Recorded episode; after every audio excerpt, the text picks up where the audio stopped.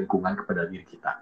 Nah, uh-huh. long story short, transformasi yang kehidupan saya itu sebenarnya banyak ya. Jadi nggak uh, cuma sekali, tapi bisa dibilang dua sampai tiga kali gitu. Okay. Dari arah kuliah ke arah kerja, ke arah jadi pe, uh, pebisnis, ke arah bisnisnya lebih baik gitu, uh-huh. uh, ke arah menjadi guru meditasi dan guru yoga itu sebenarnya transform terus. Dan sampai sekarang juga masih karena for my experience ini transformasi itu tidak pernah berhenti sampai kita meninggal setelah kita meninggal pun kita masih akan transform menjadi suatu cahaya yang semakin terang gitu mm. jadi uh, it's not about this life but it's about the whole life gitu the whole um, karma that we need mm. to uh, uh, put to other people jadi mm -mm. kita sebagai human bukan bukan cuma untuk diri kita sendiri tapi kita bertanggung jawab kepada orang lain nah mm. itu kira-kira sih Mel jadi uh, secara okay. big picture what I see from transformation. Uh, nanti kita bisa go through detail ya. Uh, apa sih contohnya? Yeah. Yes, yes. Wow, keren banget, Win. Jadi uh, aku suka banget bagaimana Edwin uh, melihat transformasi ini bukan sebatas um, transformasi ibaratnya dari uh, malas jadi rajin gitu ya, tapi sebenarnya lebih dari itu bagaimana kita um, apa istilahnya ya? um, kembali menjadi uh, mungkin mengenali our pure like our pure existence gitu mungkin ya. Aku nggak tahu juga gimana cara yeah. mengungkapkan dengan kata-kata ya. Menerima diri apa adanya. Cialah, yeah. menerima diri apa adanya. Bahasa ini ya bahasa uh, sederhananya gitu ya yang kita bisa yeah. mengerti. Terus Win, hmm, gini. Uh, aku mungkin nanya dulu gini ya. Uh, kapan sih sebenarnya pertama kali kenal meditasi dan what happened waktu pertama kali in touch dengan practice mindfulness apa pun itu ya I don't know yang buat kamu yeah. mana dulu gitu waktu itu okay. pengen tahu uh, sip uh, jadi uh, mungkin sebelum saya masuk uh, mungkin aku sebelum masuk ke sana itu uh, mungkin buat teman-teman yang baru mengenai meditasi atau mindfulness mm-hmm. kalau biasa kan memang aku ngajar mindfulness ya mindfulness itu uh, selain meditasi ada juga yoga ya, ada juga latihan pernafasan, mm-hmm. ada juga cikung ya, ada juga latihan singing ball, sound healing segala macam. Jadi sebenarnya semuanya itu bagian dari mindfulness practice ya. Nah kalau kita mau ambil meditasi di sini sebagai contoh, uh, sebenarnya never been in my thoughts uh, dari dulu sejak zaman uh, kuliah aku belum uh, baru mengenal sedikit meditasi tidak tapi tidak mau coba gitu. Karena uh, waktu itu karena terlalu berhubungan dengan um, apa namanya formal meditation ya. Jadi waktu itu masih cicilan jadi memang belum ekspor ke arah sana. Nah sejak pertama kali uh, kerja kerja itu kehidupan sudah mulai berubah gitu dan sibuk sekali uh, dan sangat ambisius waktu itu. Nah um, karena ambisiusnya itu kadang saya lupa diri untuk istirahat gitu. Waktu itu. Mm. uh, karena waktu itu kerjaannya sebagai consultant and banker. Um, mm. nah waktu itu uh, thanks God terima kasih Tuhan karena waktu itu saya dipertemukan dengan uh, meditasi. Uh, satu orang mengajak saya untuk meditasi dan uh, waktu itu saya enjoy dalam hal meditasi itu bagi saya adalah relaksasi gitu mm. jadi setelah kerja capek, saya kasih waktu 10-20 menit untuk meditasi. Bangun hmm. pagi juga untuk uh, aku supaya semangat gitu ya. Jadi juga meditasi. Nah dari sana itu tanpa ada ekspektasi uh, melakukan praktis ini terus-terusan sudah sekitar mungkin 8 sampai 10 tahun praktis meditasi sendiri dan akhirnya memang meditasi itu membuat kita lebih menerima seperti bawang ya Uh, ya. Bawang yang awalnya kita kulitnya banyak karena kulitnya itu dibuat oleh lingkungan kita, uh, mindset keluarga atau parent terhadap diri kita akan kesuksesan gitu. Pelan-pelan dengan meditasi itu tanpa ekspektasi, bawangnya pelan-pelan dibuka dan akhirnya uh, setelah dibuka kita melihat ke dalam dan ternyata 95% itu terjadi di dalam kita gitu. Nah, setelah kita menerima ternyata tanpa ekspektasi juga Tuhan dan semesta memberikan pintu-pintu yang lain untuk kita. Contohnya pintu untuk ke arah belajar yoga, belajar breathing, mm-hmm. apa pun itu, dan juga uh, di luar uh, mindfulness practice juga terhadap usaha kita gitu ya, mm-hmm. yang dulunya kita uh, bekerja dengan a lot of like uh, anger misalnya, atau misalnya kita pengennya cepet-cepet gitu, tidak menghargai proses Nah, sekarang pada saat kita menerapkan mindfulness practice uh, ke dalam kerjaan atau bisnis kita, kita lebih menerima proses gitu dan ya uh, yeah, basically sama sih dengan quote yang banyak beredar di masyarakat. So we do our best and let God do the rest gitu kan. Hmm. Nah, itu banyakkan biasa quote-quote itu aku tuh relate-nya pada saat mengalami sendiri Mel gitu. Jadi hmm. dulunya itu quote-quote bagi aku itu Allah itu apaan sih gitu kan tapi sambil jalan itu ternyata oh ternyata arti quote ini begini. Contoh dong Win. Contoh. Nggak nggak nggak nggak nggak sempurna nih kalau nggak ada contohnya. Oke. Okay. contoh yang tadi aja ya yang uh, do our best uh, do our best and then God will do the rest gitu ya. Contohnya dulu itu kan uh, pada saat aku uh, kerja ya. Kerja waktu itu banker sibuk sekali ya kita aku sendiri melakukan banyak hal yang benar-benar forcing fisik gitu ya. Mm. Jadi mm. benar-benar semua hal uh, aku harus kerja very hard working even uh, kadang pada saat kerja pun kita juga maksain diri untuk uh, melakukan terbaik dan gak istirahat gitu kan. Betul, uh, yes. Itu karena punya mindset adalah uh, hard work and you can do your best and hmm. you get the best result. Dulunya kan seperti itu ya. Dan itu I think terjadi ya teman-teman ya. Uh, buat semua orang di sini pasti juga pasti pas hmm. kecil itu di, ada yang bisa relate gak nih boleh tulis di komentar hmm. ya kan jadi um, kita pasti kalau saya sendiri sih di kecil uh, pas uh, parent menekankan selalu harus kerja keras ya nah sambil jalan ternyata meditasi dan mindfulness practice itu uh, uh, membawa kesadaran kepada stillness atau misalnya kita manifestasi adalah juga penting gitu kan. Nah kita bisa melakukan yang terbaik, contohnya pada saat kita melakukan suatu uh, usaha ya atau effort. Dulunya kalau praktekkan seperti dulu kan kita lakukan terbaik dan kita forsir fisik kita. Nah tapi sekarang itu dicampur mungkin 20% dengan stillness atau hmm. meditation, jadi kita manifestasi apa yang kita inginkan.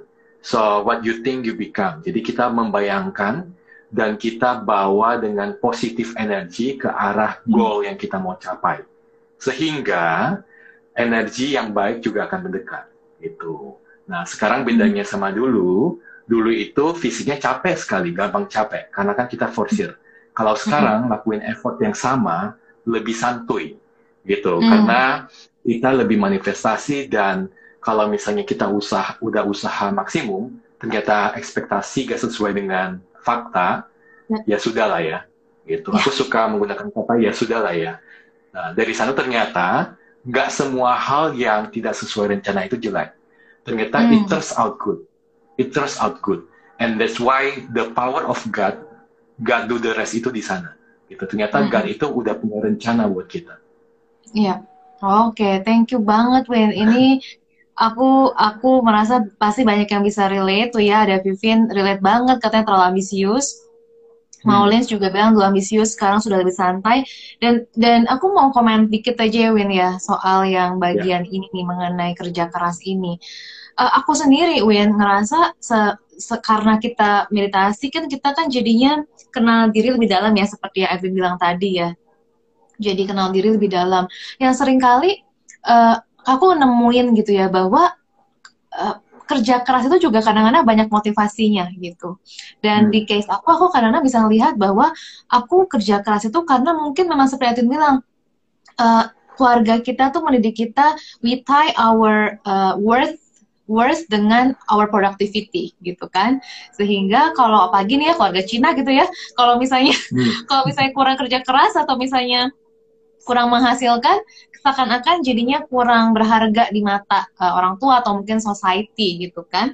Dan jadinya kita merasa selalu not good enough gitu. Jadi uh, aku ngerasa bahwa uh, penting banget untuk aware ya. Aku sendiri ngerasa penting banget untuk aware uh, apakah kita melakukan sesuatu atas dasar uh, memang kita mau melakukan atau karena kita happy hmm. melakukannya kita mau share dan sebagainya atau memang kita melakukan karena kalau kita nggak melakukan kita feel not good enough gitu atau feel Setuju not productive enough hmm. kayak gitu ya aku ngerasa itu yeah. sangat wah kita sangat ini banget sih sangat uh, apa ya sangat berharga banget gitu ada this kind that kind of discovery buat aku gitu ya hmm, hmm. sama banget Mel hmm. jadi hmm. juga merasakan hal yang sama jadi hmm. basically kan setiap orang itu kan unik ya. Maksudnya memang ada yang memang dasarnya secara uh, apa pun itulah ya. Mau ilmu elemen mau ilmu show mau ilmu astrologi.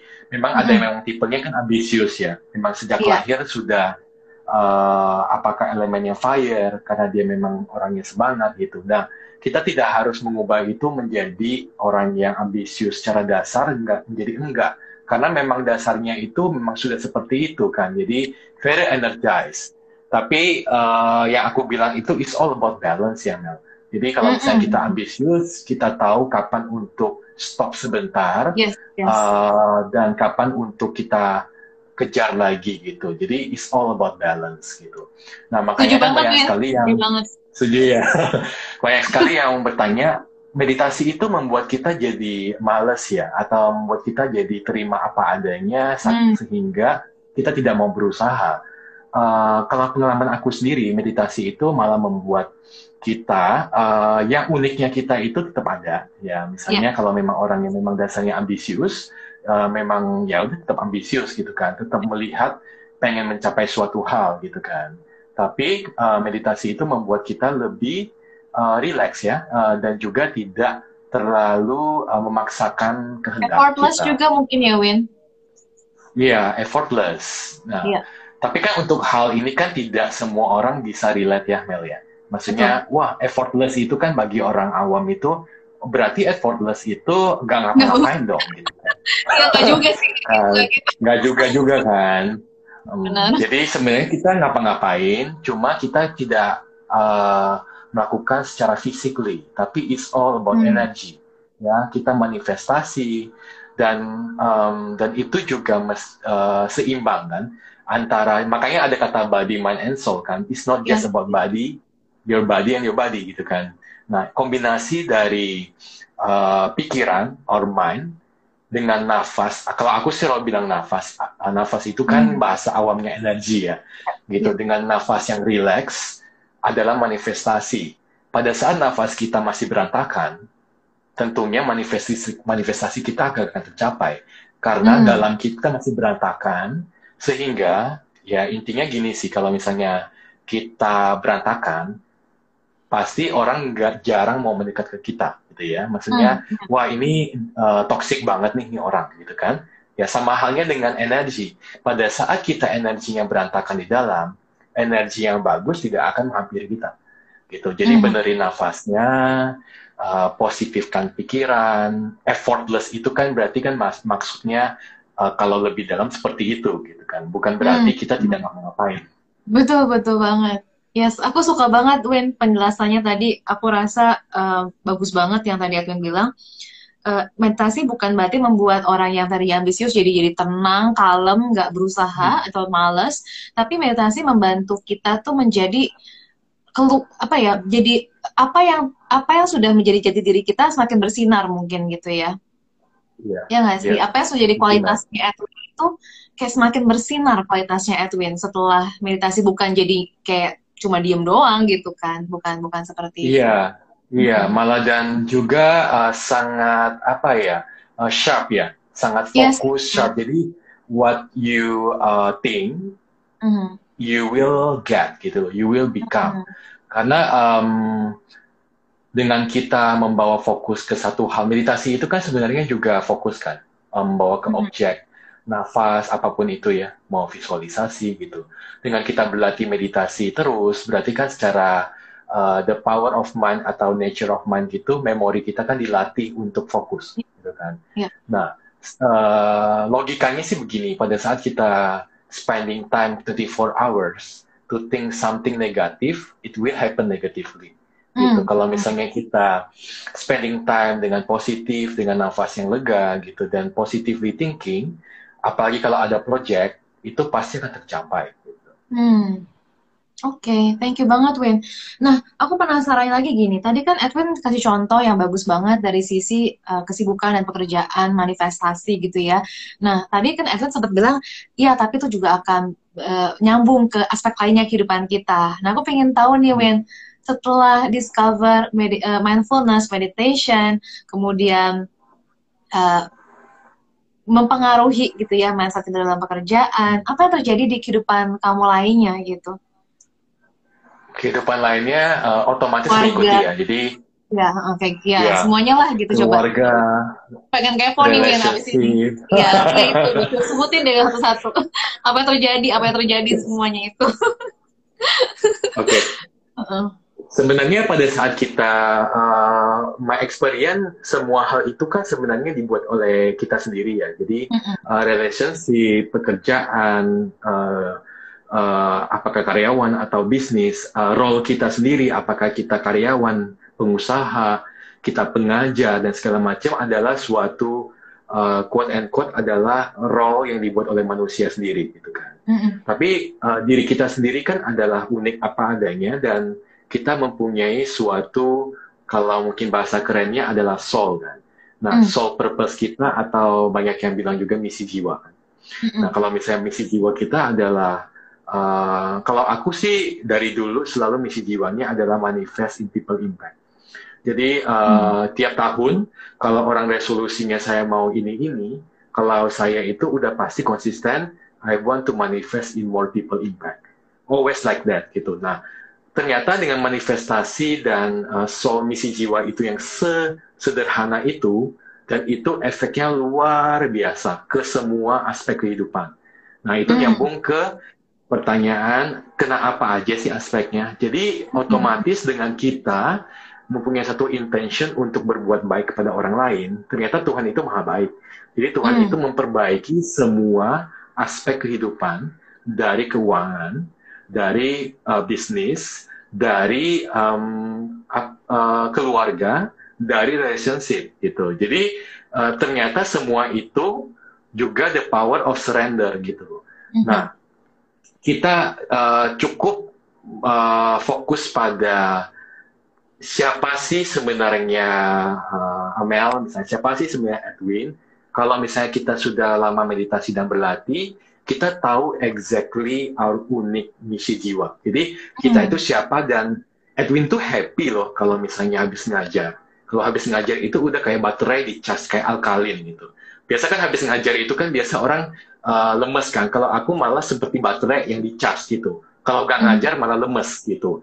Nah, uh, ya gitu Mel. Jadi kalau yeah, ya, misalnya yeah, yeah. ngajar malah happy.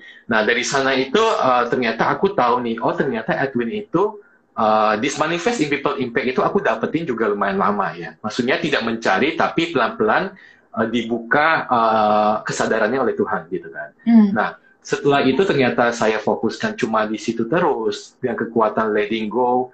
Uh, thanks God, I just do my best and then uh, hope this will become the more impact and impact gitu kan. Nah, otomatis um, dengan kita menjaga keseimbangan di setiap aspek, misalnya di kerjaan kita, di relationship kita gitu. Jadi uh, something too much is not good. Nah, uh, itu keseimbangan yang aku bawa. Kalau misalnya kita, aku udah terlalu over nih, aku perlu step back bentar dan ternyata itu step back atau letting go surrender itu luar biasa ternyata memang yang tadi balik lagi God do the rest gitu loh Tuhan bilang hmm. ya udah Win uh, kamu nggak usah terlalu over uh, let me do the rest gitu you just need to believe and faith gitu this belief and faith itu memperbaiki semua relationship semua hubungan keluarga dan apa pun itulah Mel ya jadi kayak sekarang itu um, tidak bisa dibilang kalau memang nggak punya masalah ya. Selalu masalah yeah. ada. Apalagi malah mungkin masalah itu macam-macam sekarang ya. Tapi yeah. kita lebih kayak lebih uh, seimbang dan menerima ya. Jadi masalah itu memang sudah menjadi bagian dari kehidupan gitu kan. Nah kalau misalnya no problem, no life ya. So mm -hmm. no pain, you will not feel less painful gitu kan itu kan semuanya kan uh, sama juga dengan sakit fisik ya kalau misalnya kita uh, selalu ngoceh-ngoceh aduh ini kenapa sakit banget ya? Nah, yeah. meditasi itu kan sama halnya juga seperti itu pada saat kita mengamati rasa sakit kita gitu. Bisa objeknya ke objek sakit gitu kan. Nah, sebenarnya sakit itu kan nggak pernah pergi ya, tetap ada terus gitu. Cuma karena kita menerima dalam keseimbangan, jadi sakitnya menjadi less painful. Itu sama juga masalah di kehidupan. Seru banget, men. Lanjut, Win. Lanjut, boleh lanjut, lanjut. Gue senyum karena inilah. Kayak oke, okay, oke, okay, terus, terus gitu. hmm. Mungkin gini, uh, abis ini yeah. aku mau minta Edwin tolong kasih contoh. Tolong hmm. kasih contoh biar teman-teman bisa relate dan mungkin bisa sambil uh, paham, semakin paham, mungkin juga bisa semakin praktek gitu ya. Cuma aku mau minta nih ya teman-teman ya, sambil Edwin cerita nanti, kalau teman-teman punya pertanyaan, ingat ya bisa ditulis di kolomnya ada buletannya, tanda tanya. Nanti habis ini kita akan jawab pertanyaan teman-teman. Oke okay, Win, jadi uh, pingin tahu nih Win, itu aku eh, merasa sangat relate banget bagian itu kan, karena yes gitu, hmm. kita semua pernah dan mungkin sedang ada yang mungkin hmm. sedang kan merasa sakit tapi buat Edwin gitu ya bagaimana mindfulness practice can transform your pain gitu mungkin boleh dikasih urayanya Win contoh pakai contoh dan kalau bisa gitu Oke, okay. uh, kalau pain itu kan sebenarnya ada pain fisik sama pain emosi ya. Jadi yes. uh, emosi itu bisa juga pain yang di pikiran kita gitu kan. Nah, pikiran kan lari lagi ke emotional anger, fearness, insecurity, whatever it is, gitu kan. Mm-hmm. Nah, kalau misalnya kita bagi ke pain yang sakit fisik gitu, myself, uh, I'm the one who ever feel pain in my physical body. Gitu, selama aku kerja, dan that forcing physical body yang terus-terusan di badan kita tuh begini aja, udah ditonjok terus, kerja terus, akhirnya ada sakit di satu bagian tubuh tertentu gitu kan. That's why I go to meditation juga karena rasa sakit itu gitu kan. Oke. Okay. Nah, um, hmm, dulu itu memang ada sedikit gak enak gitu kan di bagian tubuh dan dari meditasi itu uh, ya painful itu tetap ada. Jadi malah kita menjadi bersyukur.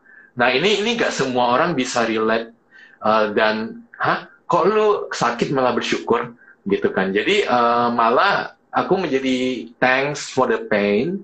Terima kasih rasa sakit ini sudah datang ke kehidupan saya. Mm-hmm. Kalau tanpa ada kamu, saya tidak akan jadi seperti ini.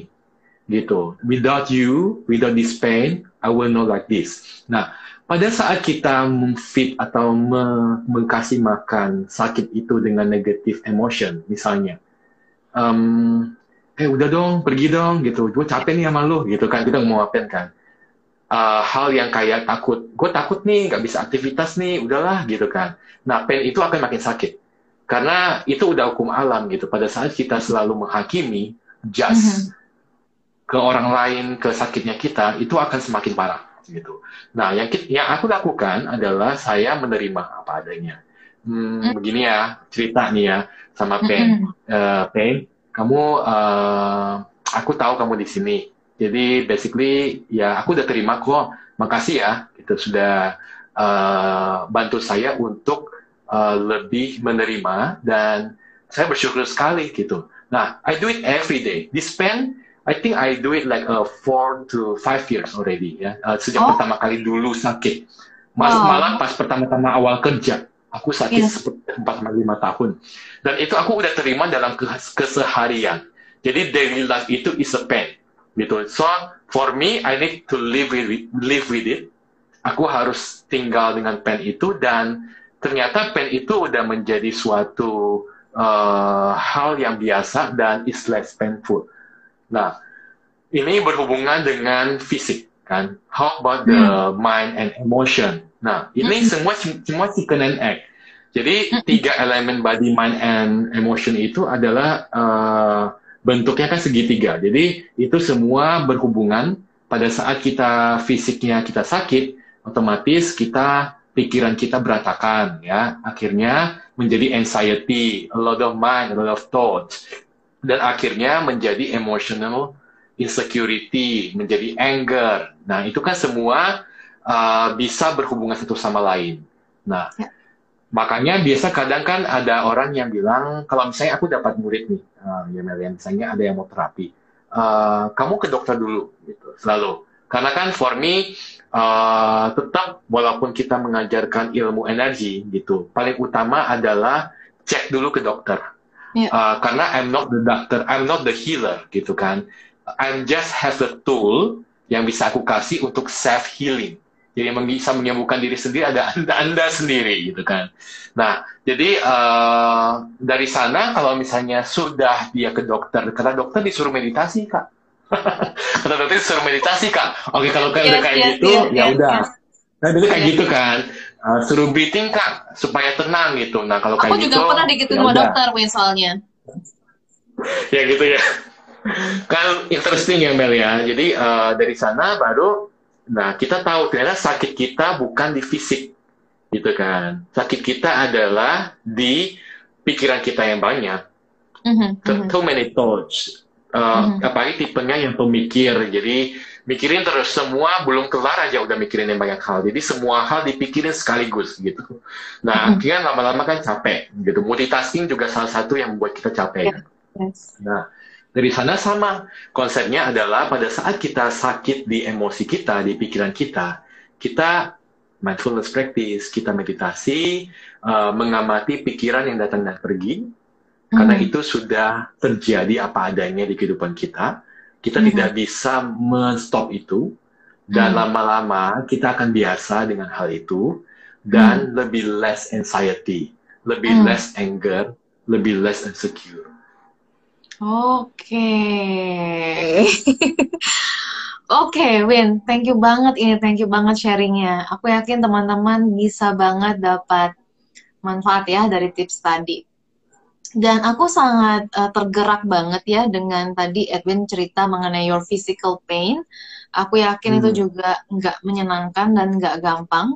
Tapi aku uh, aku nggak aku mungkin nggak bisa relate 100% ya Win dengan itu Hmm. Tapi hmm. aku juga aku juga punya momen-momen di mana aku uh, punya isu lah dengan physical body gitu ya. Uh, uh, mungkin ya ada pain juga gitu dan memang benar banget sih kata Edwin um, bahwa kita ya udah jelas-jelas kita nggak kita nggak bisa menghilangkan dia jebret kayak gitu kan. Dan yang kita bisa hmm. lakukan uh, gini kalau kita nggak terima pun dia ada di situ gitu sebenarnya. Dan ya kan dan lebih menderita karena kita kesel sama dia gitu ya. Tapi karena kita ber, kayak Edwin bilang ajak ngobrol terus jadi berteman sama dia kita jadinya malah bisa terima kasih sama dia gitu kan dan hmm. I guess uh, aku merasa uh, physical pain or emotional pain Uh, benar banget gituin bahwa ketika dia muncul kita berterima kasih karena tanpa ada pain itu kita nggak tahu sebenarnya apa yang terjadi gitu kan. Oh kita mungkin terlalu capek gitu. Oh mungkin kita sudah harus jeda gitu. Oh mungkin ternyata kita harus set boundaries whatever lah itu yang menjadi berkahnya ya di balik di balik perasaan nggak nyaman. Jadi uh, thank you banget aku yakin teman-teman juga banyak yang bisa relate. Um, aku uh, pingin ngobrol di dalam ya, cuman aku tahu kita masih ada teman-teman yang punya pertanyaan juga. Jadi mungkin sambil aja yeah. Win ya, sambil diselipin nanti Boleh, di teman-teman aku yakin teman-teman juga punya pertanyaan yang kece-kece gitu ya. Nah, jadi aku mau lihat dulu uh, tadi aku lihat ada beberapa yang udah ada komentar-komentar ya. Thank you banget ini um, ada Vira yang bilang baru lima bulan kerja sebagai konsultan dan merasa roller coaster ride. Mas, ya, yeah, I think meditation will save me and help me back to sanity. Oke, okay, oke, okay, thank you sharingnya. Ada yang bilang banyak yang memuji Win, thank you juga nih teman-teman sudah sudah uh, komentar. Mas Didit bilang di save, iya sudah nanti kita akan save. Terus juga, oh ini pertanyaan dari Sapna Mahbubani. Apa bedanya mindfulness dan meditation? Win? Hmm. Sapna hmm. is my friend. Ya, yeah. Sapna, oh. hai. Oh. Sapna juga luar biasa, luar biasa. Sapna juga, I think she can relate. Ya. Yeah. Jadi mindfulness and meditation, uh, balik lagi, mindfulness adalah uh, cara hidup. Ya, yeah. mindfulness hmm. is very general. Mindfulness kita bisa, mindfulness itu ada tiga kriteria. Yang pertama adalah kita mesti melakukan itu dengan sengaja. Yang kedua adalah harus ada objeknya gitu. Objeknya kan bisa nafas, bisa aktivitas, misalnya pada saat lagi nyapu, yang emak-emak di sini, misalnya nyapu di rumah, atau yang cuci piring gitu. Nah, kita bisa bawa objek ke cuci piringnya dengan mindfulness practice, dan juga kepada nafas yang rileks gitu kan.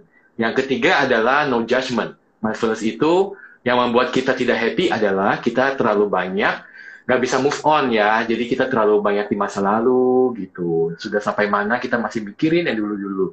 Dan juga ekspektasi gitu kan. Ekspektasi kita terlalu banyak sehingga capek gitu ya. Kalau misalnya nggak bisa kita achieve, kadang kita menyakiti diri sendiri gitu. Kita blaming ourselves. Nah, dan kita bawa kepada saat ini. Gitu. Jadi mindfulness practice adalah suatu cara hidup supaya kita bisa lebih uh, seimbang aku suka sekali kata seimbang. Seimbang itu kan uh, tidak berarti kita harus selalu bagus ya. Seimbang itu berarti kadang ada jelek, kadang yang bagus gitu. Jadi selalu kita mencari tengahnya. Nah, sedangkan meditasi adalah salah satu cara untuk melatih mindfulness.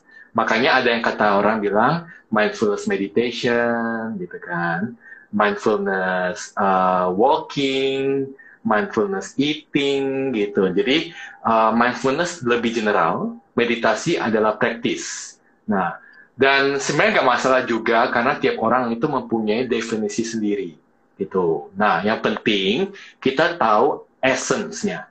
Essence-nya adalah mau kamu lakukan meditasi, hmm. mau meditasinya tutup mata, mau meditasinya buka mata, mau meditasinya sehari-hari di angkot atau di pasar gitu ya atau mau mindfulness yang penting praktis gitu. Nah, uh, bahasa bisa apa aja.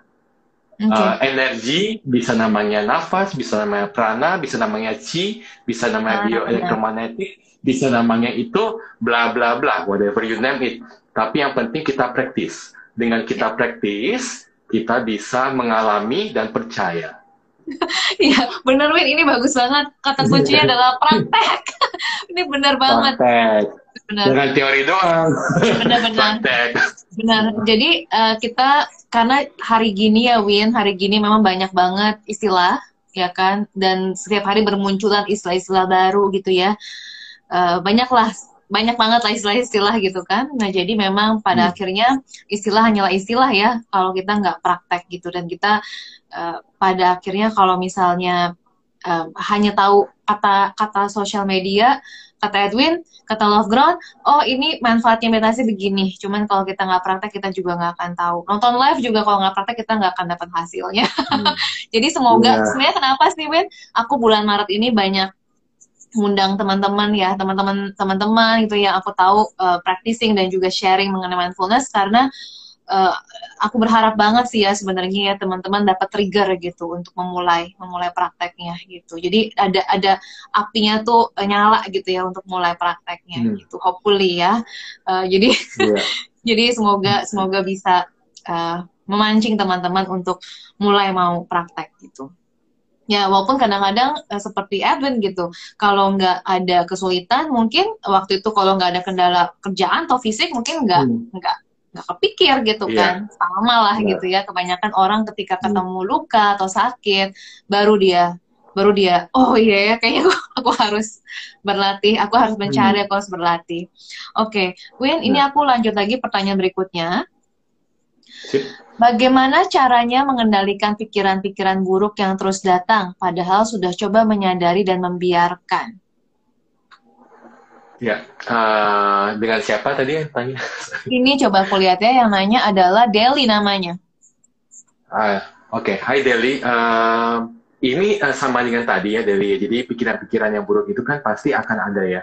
Uh, dualitas namanya ya. Kalau misalnya kehidupan itu tidak ada baik semua, kita bosen ntar gitu. Jadi uh, sama juga di pikiran gitu, uh, selalu kita pasti ada uh, kata no judgment itu uh, secara realitas itu atau fakta itu susah gitu.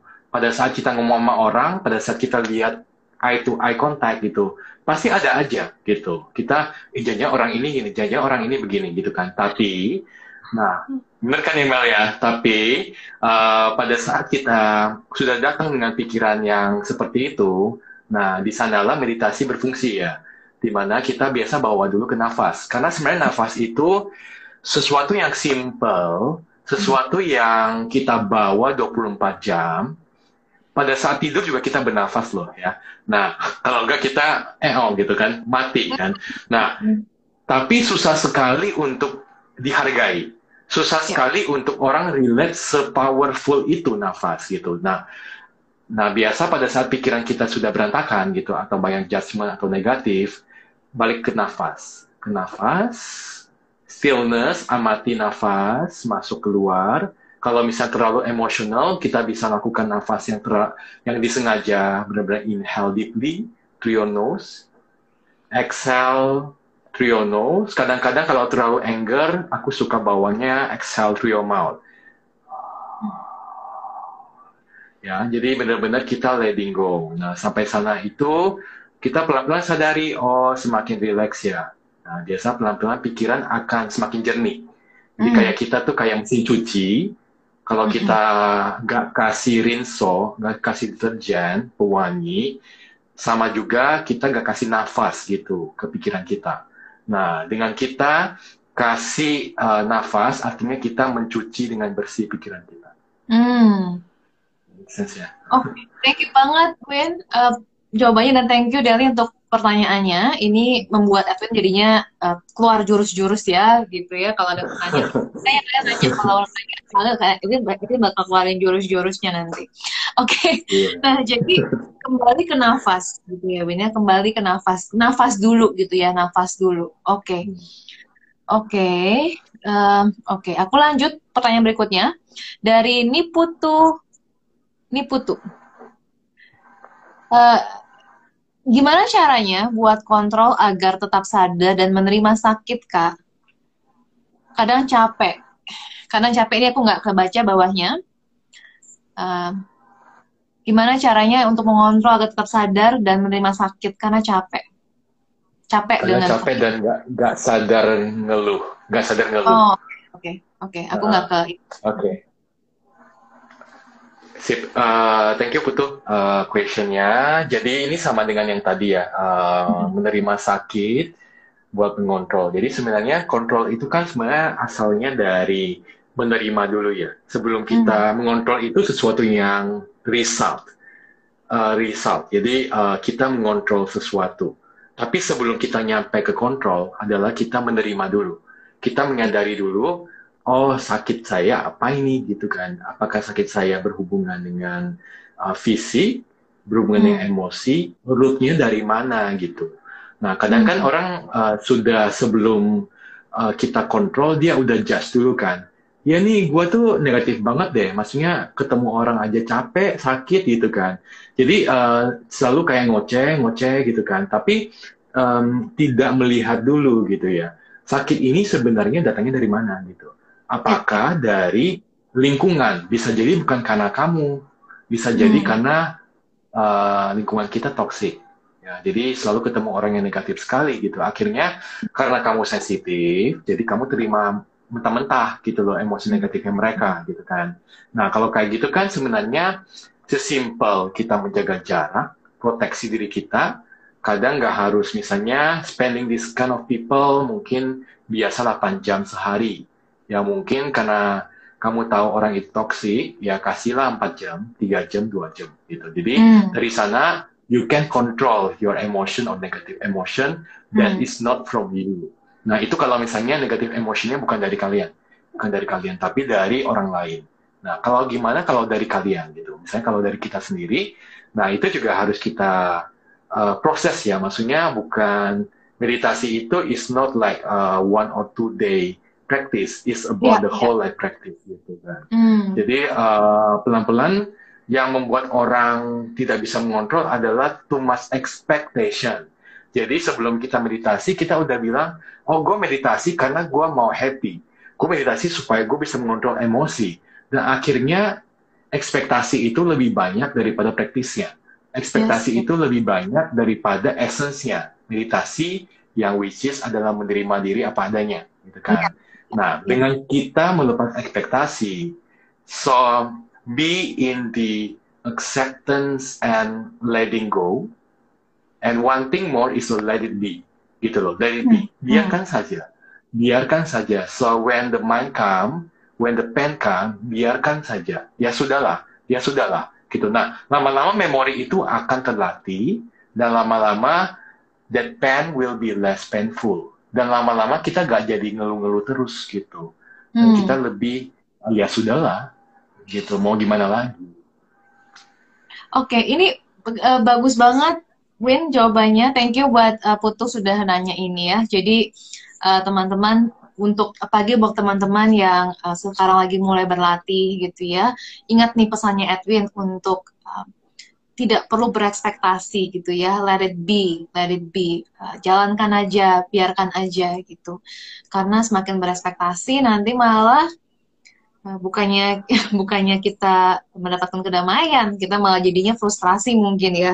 Katanya meditasi bisa ini gitu kan. Kok mana mana gitu.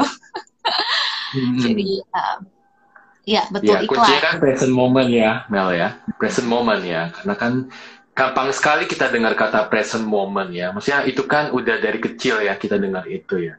Tapi hmm. susah sekali kita mempraktekkan itu. Hmm. Betul banget. Kan? Betul banget. Hmm. Ini ternyata bukan pertanyaan tapi ada komentar dari Bu Suryanti. Terima hmm. kasih banyak ya mendapat pencerahan katanya. Terima kasih Suryan hmm. Suryanti. Oke, okay, aku lanjut ini. Uh, saya kadang ini Bu uh, Diana kayaknya nih ya, Bu Micin nih. Bu Micin, Bu Diana. Wah, uh, enak nih Micin. saya kadang meditasi malam jadi segar dan susah tidur. Jadi tidur saya jadi kurang. Gimana nih, Win?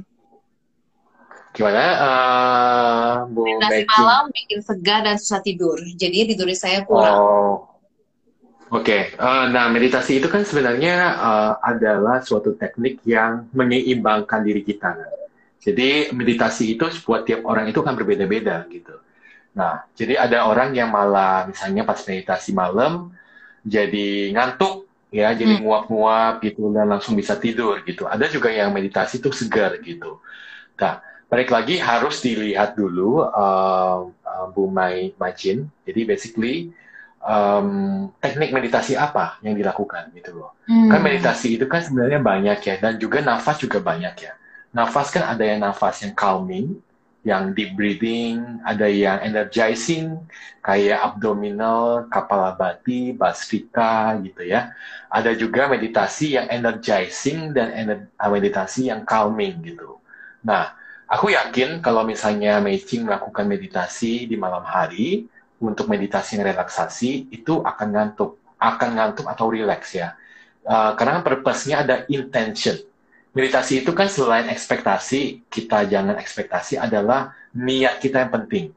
Kalau niatnya kita meditasi itu adalah kita pengen uh, apa namanya supaya kita relax dan tidurnya nyaman gitu kan pasti energi kita kan akan membawa ke arah sana gitu secara tidak langsung gitu ya nah tekniknya mungkin yang harus dilihat uh, lagi apakah teknik yang dilakukan matching ini merupakan teknik yang energizing karena ada memang beberapa meditasi yang membuat kita jadi segar yang sepantasnya dilakukan di pagi hari gitu. Hmm. Nah, kalau memang masih juga seperti itu, mungkin boleh di-sharing sedikit ya, matching meditasinya meditasi apa ya? Kalau memang masih seperti itu, berarti kamunya sendiri yang harus mengubah waktu, gitu ya. Mm -hmm. Maksudnya mm -hmm. sudah sudah tahu kalau meditasi itu bikin seger, ngapain malam hari gitu. Maksudnya kan uh, yes. kan pengennya tidur ya, tidur aja nggak apa-apa. Kan tidur itu juga meditasi, kan seger. Thank you Edwin. Dan aku tahu di di Instagramnya Edwin juga kemarin ini ada postingan uh, meditation guide ya, guide meditation buat yang mau tidur kan ya Wen ya, ada ya. Jadi mungkin bisa ya. dicoba malam ini. Siapa tahu nanti hmm. bisa langsung bisa langsung tidur. Oke, okay, ini uh, mungkin yang terakhir ya, ada yang uh, Muhammad Muhammad Muhammad ya Muhammad lah ya. Uh, beri tips untuk pemula Kak katanya. Oke, okay, tips untuk pemula. Wah, ini udah bagi ilmu nih. Oke. Okay. bagi tips untuk pemula. Uh, mungkin aku akan mulai dengan uh, breathing kali ya Mel ya, karena kan sebenarnya banyak orang yang challenge meditasi itu karena breathingnya itu masih belum uh, nyaman gitu ya. Mm-hmm. Uh, selalu aku menekankan nggak um, usah deh teknik-teknik yang Uh, misalnya meditasi yang satu jam gitu panjang lebar, sedangkan breathingnya masih berantakan gitu. Jadi hmm. essence itu nggak dapat gitu kan. Karena meditasi itu kan in the end adalah kita merasakan relax kan. Nah jadi jadi toolnya relax apa dulu nih gitu kan, yang kita relate kehidupan sehari-hari. Nafas gitu kan. Nafas yang singkat, uh, nafas yang kita bisa belajar dengan gampang sehari-hari adalah nafas deep breathing. Deep hmm. breathing ya.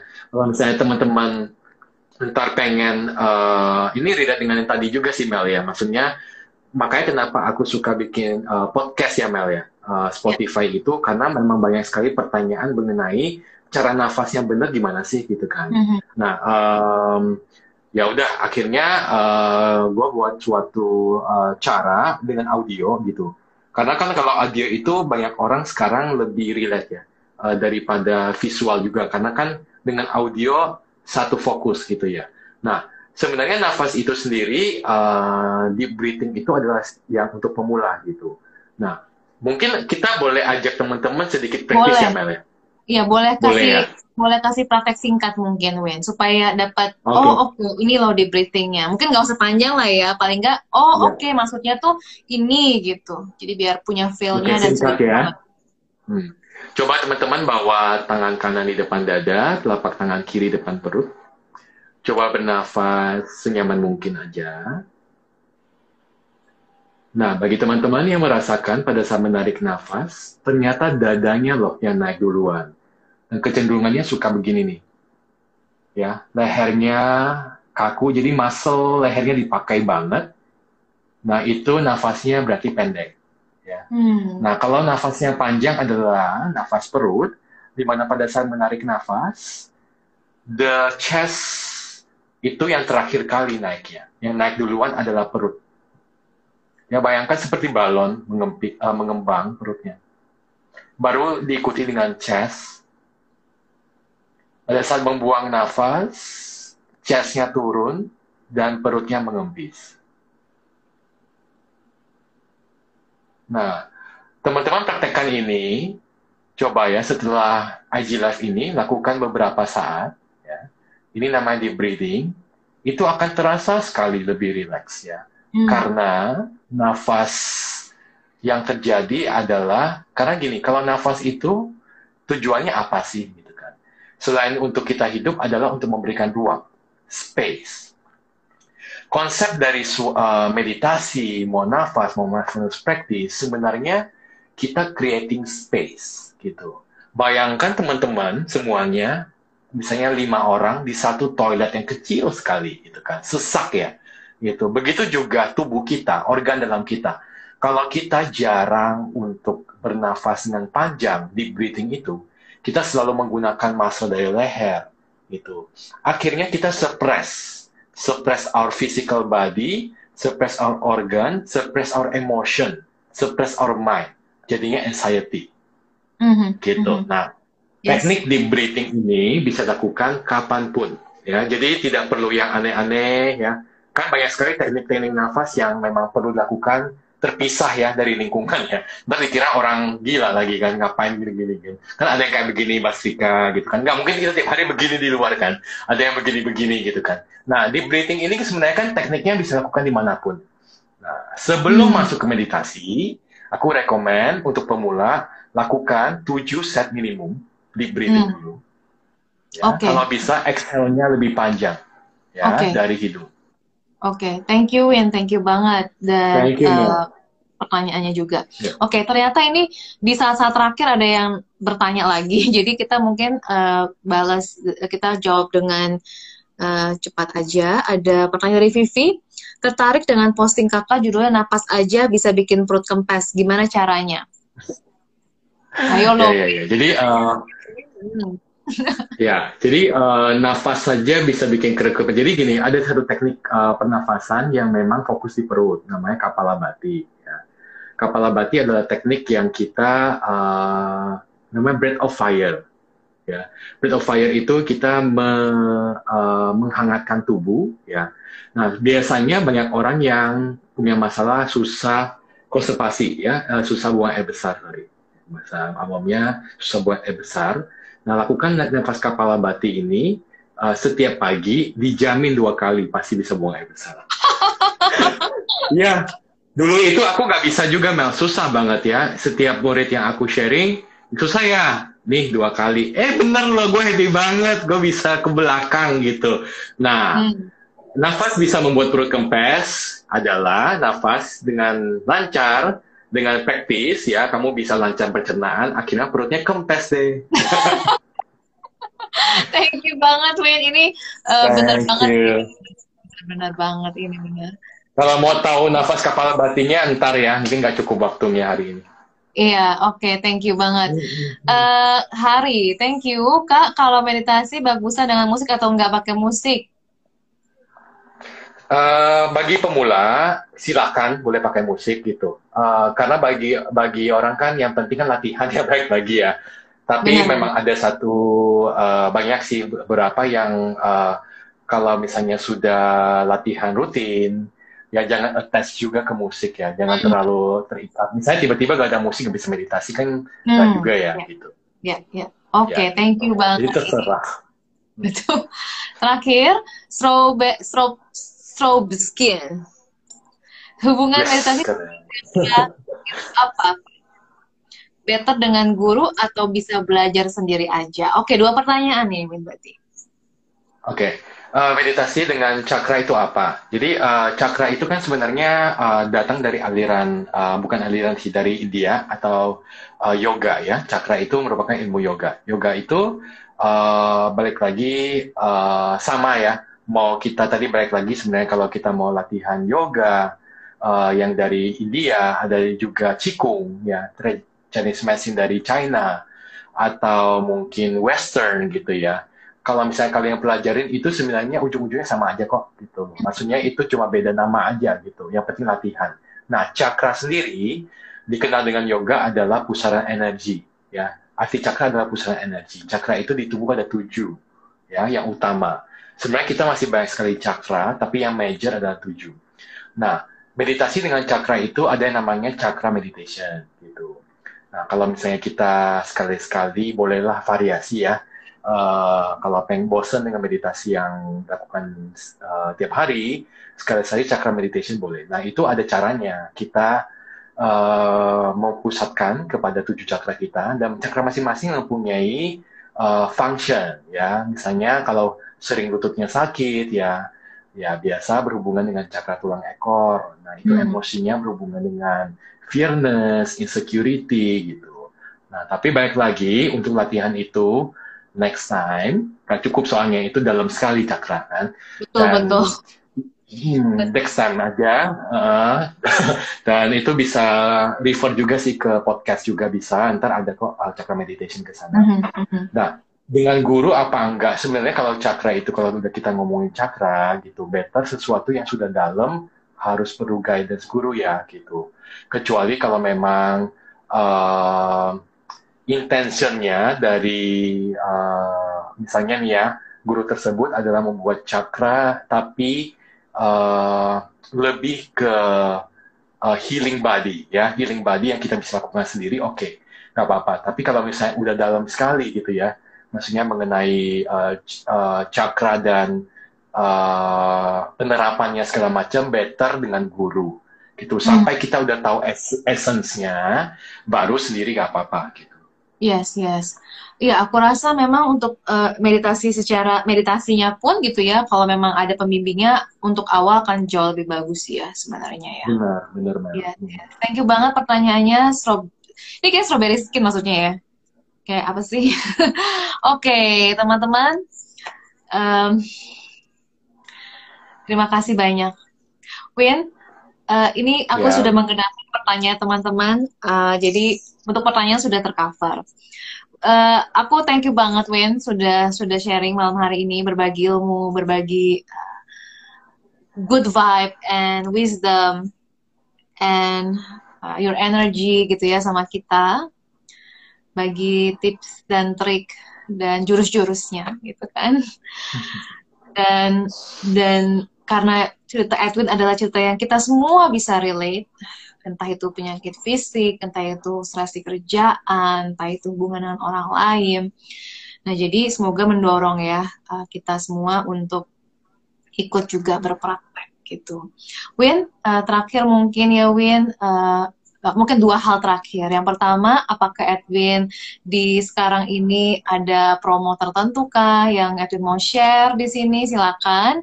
Yang kedua, mungkin apa ya uh, ininya high, apa highlight atau sesuatu yang Edwin pengen teman-teman bisa bawa pulang malam hari ini. Hmm, thank you ya Mel. Jadi um, uh, kalau misalnya uh, ya sebenarnya uh, pertanyaan satu sama kedua sih sama sih harapannya sih uh, semoga teman-teman bisa uh, latihan. Jadi selalu mulai dengan latihan yang menurut teman-teman tuh oh ini latihanku gitu. Karena kan tiap orang tuh berbeda-beda gitu.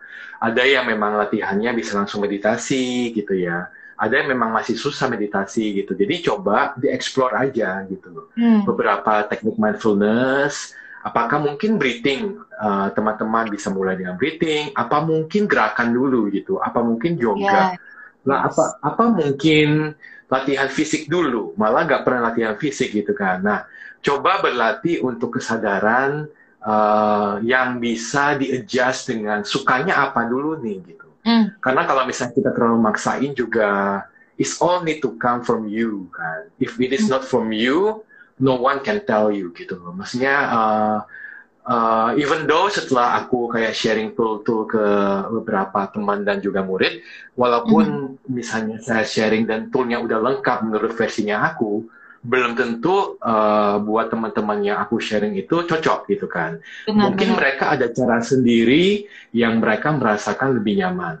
Nah, balik lagi tools banyak sekali. Nah, balik lagi kalau misalnya uh, teman-teman sendiri memang pengen belajar, uh, saya sendiri memang suka bikin karma yoga ya. Karma itu uh, maksud saya karma yoganya melalui karma itu maksudnya sesuatu yang I just share it to all gitu. Maksudnya hmm. tanpa ada uh, bayaran dan segala macam hmm. adalah melalui podcast Mel gitu. Jadi hmm. udah mulai yeah. uh, se semenjak pandemik memang podcast buah meditasi.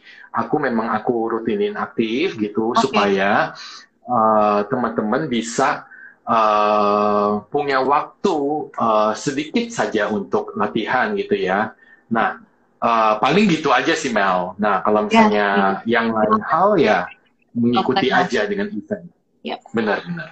Oke, okay. thank you banget Win, uh, thank you banget uh, karma yogamu supaya teman-teman nanti bisa latihan masing-masing ya. Jadi jadi uh, semakin rajin, hopefully semakin konsisten juga.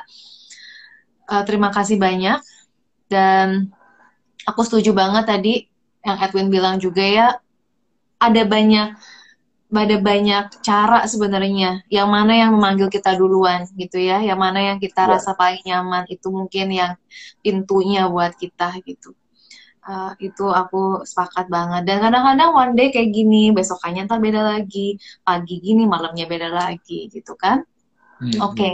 jadi Edwin thank you thank you super thank you banget hari ini udah bersedia sharing dan dikepoin sama aku thank you buat teman-teman hmm. polling ya. Sudah isi polling sudah nanya sudah komentar sudah kirim emoji. Dan dari tadi ada beberapa aku tahu yang ngirimin love juga buat kita Win di sudut kanan kita ya. Love oh, love love wow. Ya kan? Wow. kirimin love di sudut kanan. terima kasih banyak jadi kita kita senang banget dan aku juga berharap ini aku belum tahu kapan ini kayak Edwin kebetulan karena bookingnya susah ya. Jadi agak di akhir bulan Maret ya kan. Uh, jadi hopefully nanti kita bisa ngundang lagi banyak teman-teman lainnya untuk sharing hal-hal bermanfaat di sini. Dan sampai jumpa teman-teman semuanya. Thank you so much Win. Thank you teman-teman. Thank you Mel. Thank you teman-teman semuanya. Have a good night. Sampai istirahat. Bye bye. Thank you, thank you banget. Bye bye. Bye.